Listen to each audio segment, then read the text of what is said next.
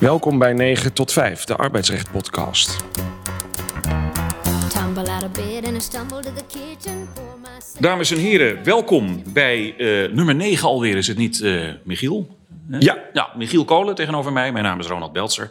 Wij gaan het hebben vandaag over een uitspraak die eh, nou eigenlijk al internationaal de gemoederen bezighoudt. Althans, waar het gaat om de partijen. Dat zijn namelijk de taxichauffeurs versus Uber. En dat raakt natuurlijk aan het hart van onze platformeconomie. Die overigens niet een heel groot deel van onze economie uitmaakt. Maar er wordt wel heel erg veel over geschreven. Ja.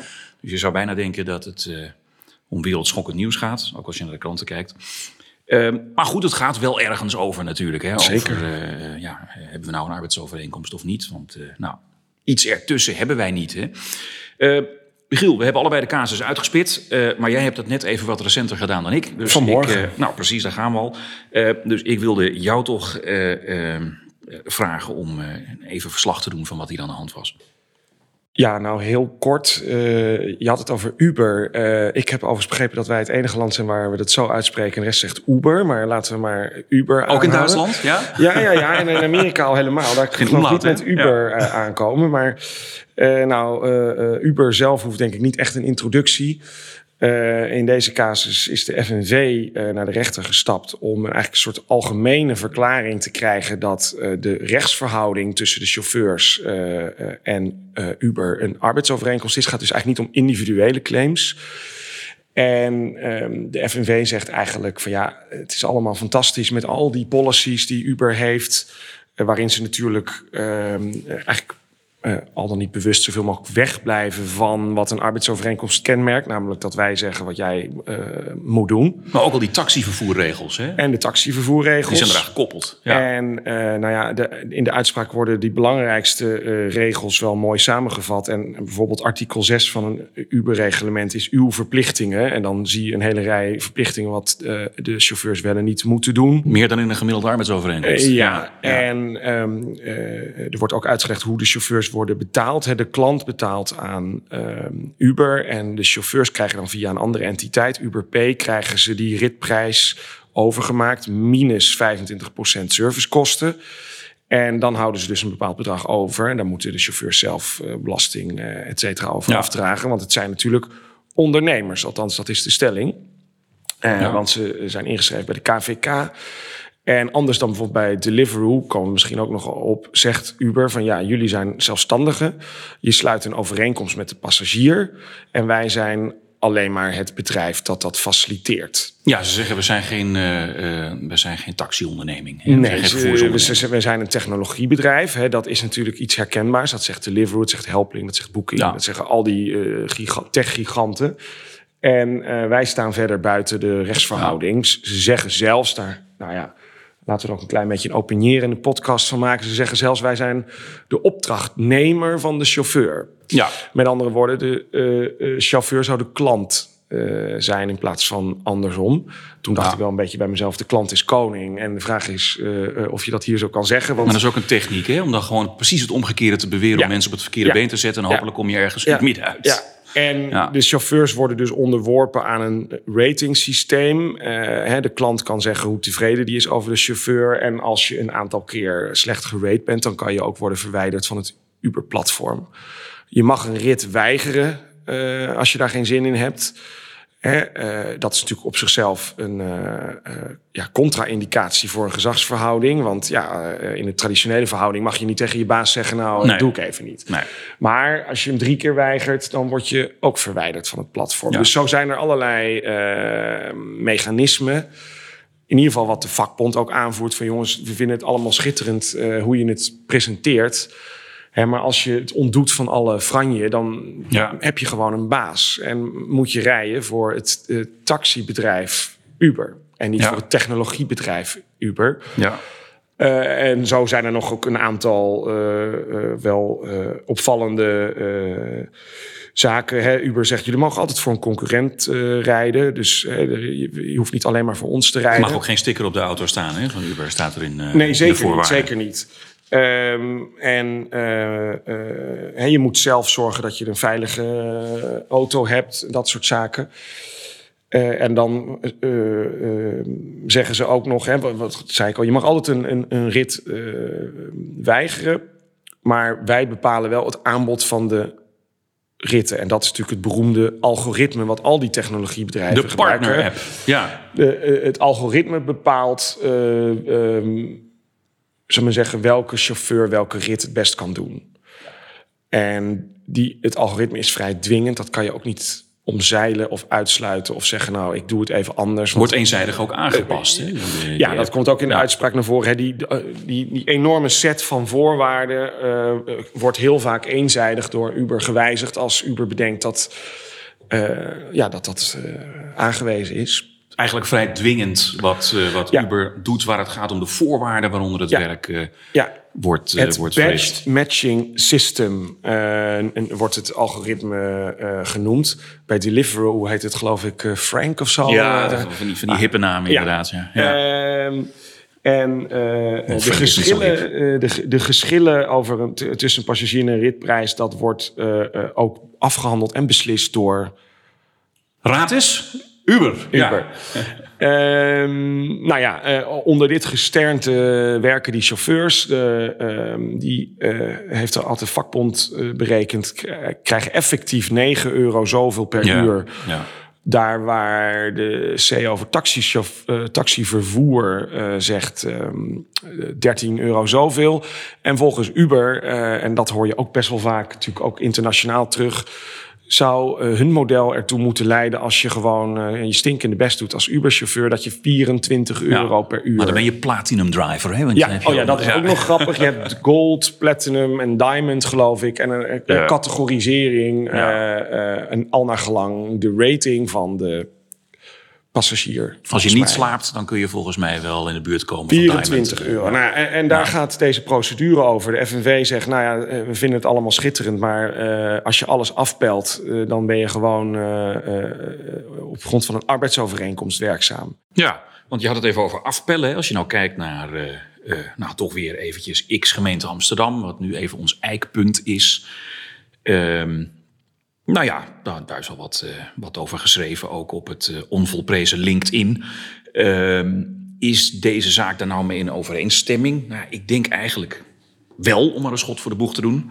Hè, we moeten eerst havelteksen hoe het zit met loon, arbeid en, en gezag. Ehm, dus hebben partijen mogen, mogen begrijpen daarover? En volgens mij beoordeelt de rechtbank uiteindelijk dat eh, als je dit haveltekst, dat partijen wel degelijk hebben bedoeld loon te betalen, arbeid te verrichten. En ook dat er gezag is wat blijkt uit de nogal indringende wijze waarop de app bepaalt wat de chauffeur moet doen. En vervolgens is dan inderdaad wat hun bedoeling is geweest ooit, of ze wel of niet chauffeur willen worden. Ja, dat is dus verder dan niet meer van belang. Dus volgens mij doen ze dat goed. Het staat er niet helemaal lekker. Het staat er met een beetje voorbehoud. Maar goed, ik denk dat we daar maar overheen moeten stappen. Want volgens mij is wel duidelijk dat hier eh, op basis van X gemeente Amsterdam eh, eh, toepassing een arbeidsovereenkomst is. Maar Michiel, even nu. Nu we de- deze alvast dan even hebben getackeld. Eh, dat gaat dus om 4000 mensen. Ja. Die worden dus dan allemaal werknemer. Ja. Nou, dan moet je sociale premies voor gaan betalen. We weten allemaal wat dat betekent. Hè? De hele eh, doos van Pandora, al klinkt dat negatiever dan ik het boel, bedoel, van het arbeidsrecht gaat, eh, gaat open. De arbeidstijdenwet gaat in volle glorie eh, gelden. En de CO-taxivervoer natuurlijk, waar deze hele discussie over ging. Ontslagbescherming, transitievergoedingen, dat, dat is nogal wat. Gaat dat niet wat, wat, wat ver? Zouden we niet bijvoorbeeld moeten zeggen, nou, pak even een tussencategorie of zo, zoals we dat hebben Nou ja, dat is wel grappig dat je dat zegt. Ik, ik citeer maar even rechtsoverweging al- of punt 36 van de uitspraak. Onderkend wordt dat dit oordeel bij Uber tot organisatorische problemen aanleiding kan geven en dat niet alle chauffeurs die zich in een persoon met Uber hebben verbonden een arbeidsovereenkomst wensen. Dit maakt het oordeel niet anders. En die Ja. rechters lijken echt te zeggen, ja, alle problemen die hieruit voortvloeien, want dat wordt natuurlijk een enorme klus om dat allemaal met terugwerkende kracht Ja. eh, recht te zetten. Ja, dat boeit ons eigenlijk buitengewoon weinig. Nou ja, daar zitten we niet voor. Wij spreken Nee. hier recht en het is het een of het ander. Ja. En, eh, maar goed, wij, wij zitten hier aan tafel om, eh, om te bespreken of dat niet anders kan. Er is natuurlijk heel vaak gezegd van moeten we niet een soort tussencategorie hebben. Ja, dat is wat mij betreft weer een andere Ja. discussie. Ja. Maar het feit dat dit tot allerlei eh, problemen leidt. want ga maar eens zo voor zoveel mensen na met terugwerkende krachten. Daar kan je een hele afdeling voor inhuren. Met een dolle boel, ja. Ja. Daarvan zeggen die rechters, ja, weet je, dat, dat, dat mogen zo zijn. Maar dat is eigenlijk gewoon jouw probleem. ja. Iets anders is, ik heb even het FD eh, voor me. Ik zie dat jij het FD ook voor je hebt. Maar na die Deliveroo-uitspraak eh, hebben eh 23 riders eh, zich gemeld. Dat zijn natuurlijk veel minder riders dan daar gewoon dagelijks rondrijden. Dat kan je zien als je gewoon door Amsterdam rondrijdt. Het wemelt ervan, maar er hebben Ja. zich 23 riders gemeld. En dat heeft nog tot geen enkele nabetaling geleid. Ja. Las ik een beetje tot mijn Ja. verbazing. Dus twee zaken. Hoeveel chauffeurs zich eigenlijk gaan melden is natuurlijk de vraag. En als ze dat doen, hoe lang duurt het voordat ze dan eigenlijk krijgen nabetaald? Want daar gaan natuurlijk enorm veel discussies over komen. Wachttijden, eh, nou ja, noem maar op. Aan de andere kant, de vraag is of melden moet. Hè? Eh, Want dit is volgens mij, eh, kijk ook even naar jou, volgens mij is het gewoon nu de plicht van Uber om met terugwerkende kracht, desnoods ongevraagd, eh, die taxi-CAO toe te passen. Dat is gewoon. Eh, die, die, die AVV die geldt eh, eh, als wet in feite. Ja. Die kun je heel gemakkelijk afdwingen. Kijk, iets anders is of er mechanismen, niet juridische mechanismen in het spel komen. die ervoor zorgen dat die mensen zich niet melden. Van als je, dat er, het wordt nergens opgeschreven, maar als jij je meldt, ja, sorry, maar dan moet je maar je heel even ergens anders gaan zoeken. Dat, wordt, dat kun je natuurlijk op een andere manier inkleden. Dat zal ongetwijfeld gebeuren. Maar Nou, ik heb, ik heb ernstige twijfels of Uber nu uit zichzelf dat allemaal gaat repareren. Of dat ze denken, nou, we, we kijken wel eventjes wie zich meldt. Hè, De FNV had nog een dwangsom gevorderd, eh, omdat ze denk ik ook wel dit... eh, maar zij kunnen dit afdwingen. Je hoeft je niet eens te melden, hè? Nee, precies. Maar de FNV had een dwangsom gevorderd, maar dat is afgewezen. Ja, Dat vond de, eh, eh, de rechtbank niet dienstig aan het proces omdat ze allerlei executieproblemen voorzagen. Nou, dat, daar heb ik ook wel ervaring mee. Zodra er dwangsommen worden opgelegd eh, in, na- in procedures en bij kort gedingen... dan dat zet altijd het proces enorm onder druk. En het is heel complex. Hè? Er zijn Het is zo meerdere dingen die complex uitgezocht dat je anders sta- eh, eh, staan ze Ja. over een, over een maand weer bij de rechtbank. En Ja. dan eh, schreeuwt de FNV natuurlijk moord en brand... dat het niet goed wordt eh, uitgevoerd. Maar ja, die kans is er wel. Want op het moment dat Uber natuurlijk, zoals jij, waar jij net een beetje op eh, preludeerde, eh, dit niet gaat uitvoeren en volgens het piepsysteem eh, gaat werken, ja, dan kan je toch zeggen dat Uber in feite de uitspraak niet goed uitvoert. Wat reden kan zijn voor een nieuw kort geding. Eh, met dwangsommen. Dat kan natuurlijk wel. Hè? Ja. Dat, eh, dat rekken moet ook dan een keer ophouden. Ja, en het is denk ik uitvoerbaar bij voorraad. Zit even te kijken of dat zo is. Eh, ja, verklaren de veroordeling uitvoerbaar bij voorraad. Hè. Uber heeft meteen hoger beroep eh, aangekondigd. Ja. Ehm, overigens, eh, daar, daar begreep dat daar ook wel maatschappelijke weerstand op is. Hè? Dat er nu ook mensen zijn, jongens, Uber, accepteer dit nou. Maar goed, ze mogen in hoger beroep, dat staat natuurlijk vast. Maar ja, dat doet niet af aan ehm, het feit dat ze dit vonnis moeten uitvoeren. Ja, ik had even, even het, eh, het, parool van gisteren. Ik noem even een citaat. eh, Een eh, zekere Michael Bouwens, een ondernemer in het vervoer. Die, die heeft een opinie geschreven over deze uitspraak. Dus het is wel een man die, eh, nou ja, in, in de branche eh, zit. Maar eh, volgens mij het wat, wat chicere vervoer. Het zou Uber sieren als het bedrijf het hoge beroep intrekt.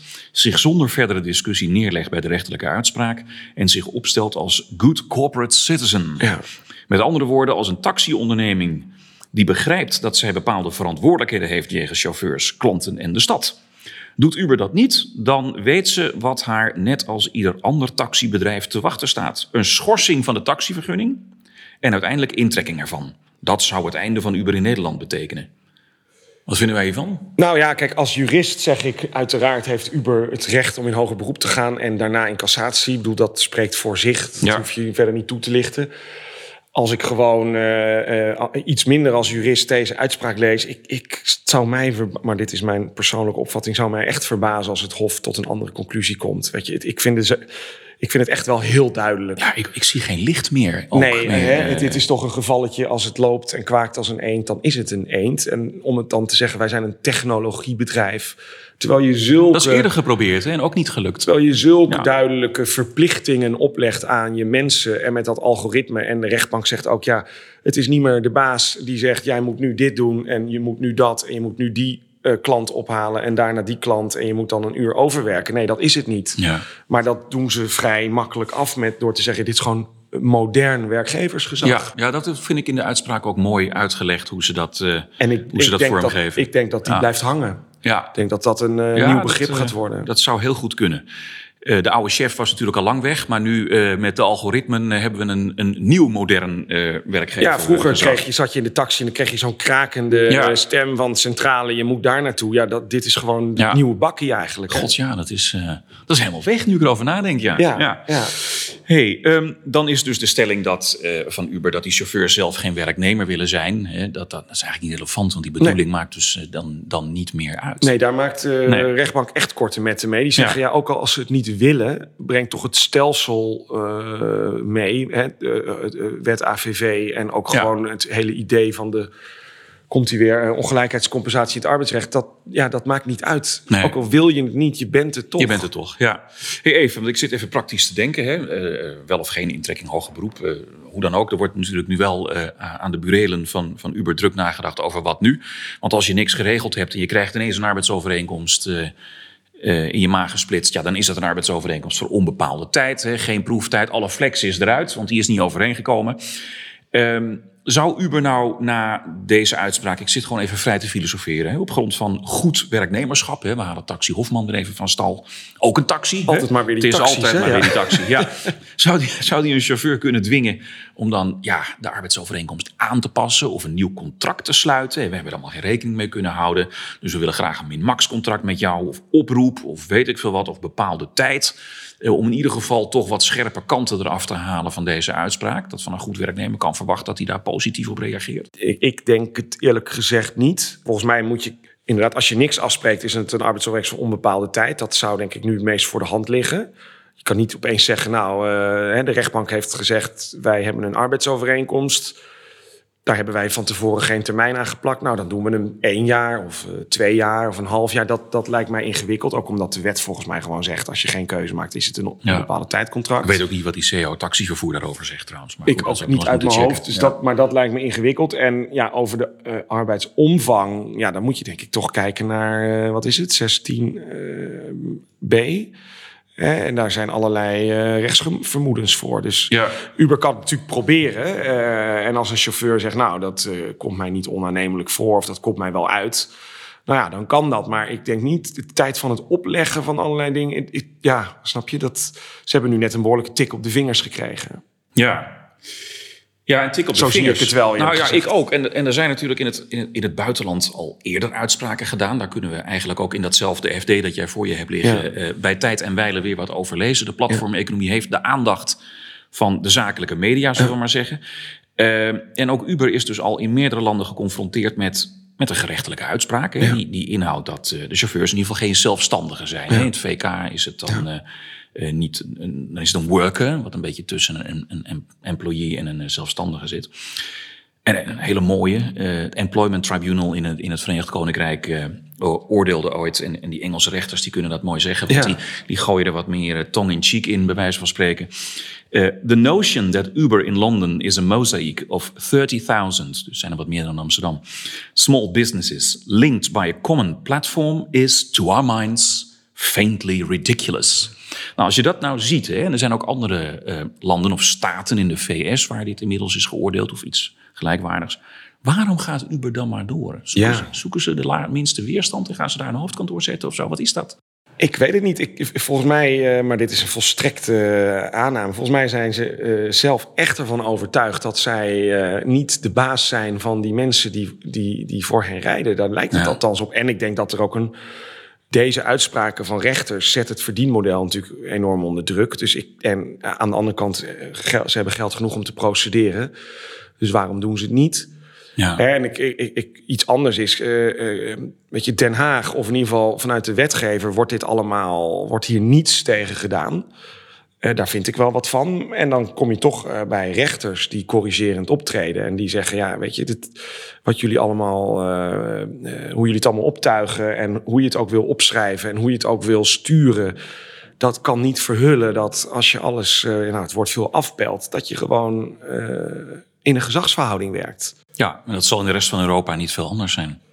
Nee, en ook in Anglo-Saxische landen die toch eh, wat andere eh, ideeën hebben bij eh, arbeidsverhoudingen, zijn het allemaal werknemers. Ja, of workers, maar Ja, in ieder geval, in ieder workers, geval geen zelfstandigen. geen Ja, ondernemers. dus wel minimumloon, daar gaat het steeds Ja. om. hè. Dus dat publieke arbeidsrecht, dat is eigenlijk steeds van Ja, toepassing. en ik vind ook, ja, Ja. kijk, als je hier in Amsterdam een Uber-app opent en je kan voor 4 euro van uh, Buitenveldert naar Noord, dan moet je je toch eigenlijk ook de vraag stellen dat dat kan toch niet Nee, uit. Weet je, nee. die, daar kan je niet voor werken. En eh, Ja. ik denk dat Je kan zo'n fooi geven aan het eind. Hè? Ja, ja, ja. Nou, ik gebruik die Uber-app niet. Oh, Eh, ja. eh, niet per se van uit principiële, principiële reden, maar ik, ik, ik, als, je- zo'n uitspraak leest, roept bij mij best wel veel weerstand op eigenlijk. Hè. Dus ze proberen Hmm. een bepaald model uit dat gewoon vanuit de andere kant van de oceaan komt. En houden uiteindelijk heel weinig rekening met die chauffeurs. En dan kan je wel zeggen dat eh, ook op grond van allerlei hele ingewikkelde berekeningen... een chauffeur 20 euro zoveel per uur kan verdienen. Maar dat, ja, dat, wordt, nooit, ge- wordt nooit Nee. gehaald. Het is geen waarborg voor een minimumloon. Hey, even, laatste vraag wat mij betreft, eh, eh, Michiel. Uber is natuurlijk een representant van de platformeconomie. Ja. Platform moet ik gewoon zeggen. Denk jij nou dat deze uitspraak ook gevolgen heeft of kan hebben voor, nou ja, Picnic, die kleine karretjes hier, die hebben natuurlijk ook laatst ook geprocedeerd. Helpling, hè, de, de schoonmaak, eh, Ja. schoonmaakplatform. Of, nou ja, zeg maar Uber Eats, hè, wat natuurlijk ook een tak van Uber is.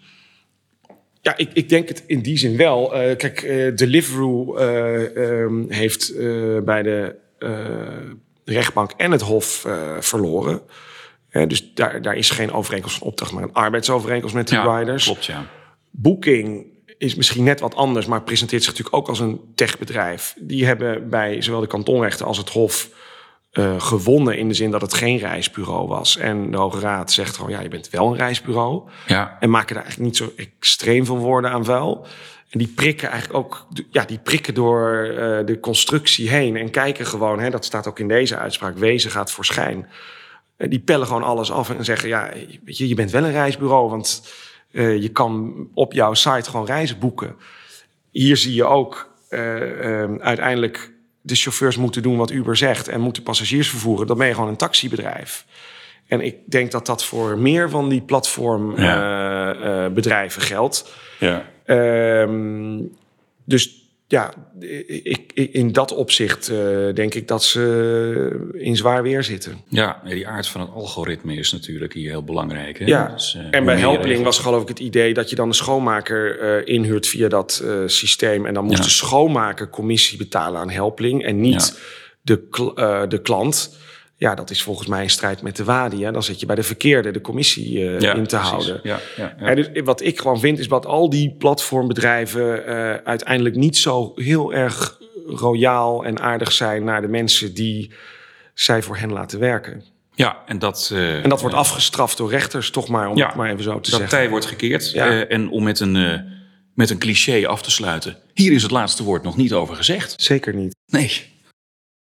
Dit was aflevering 9 van 9 tot 5 de arbeidsrecht podcast over Uber. Eh, u kunt eh, onze website bezoeken 9 tot 5 podcast.nl. Eh, dank voor het luisteren. De afleveringen zijn uiteraard ook te beluisteren via Stitcher, Spotify en de website die ik zojuist noemde. Dank Ronald Beltzer voor jouw altijd scherpe blik, scherpe analyse. Mijn naam is Michiel Kolen en ik wil jullie allemaal bedanken voor het luisteren.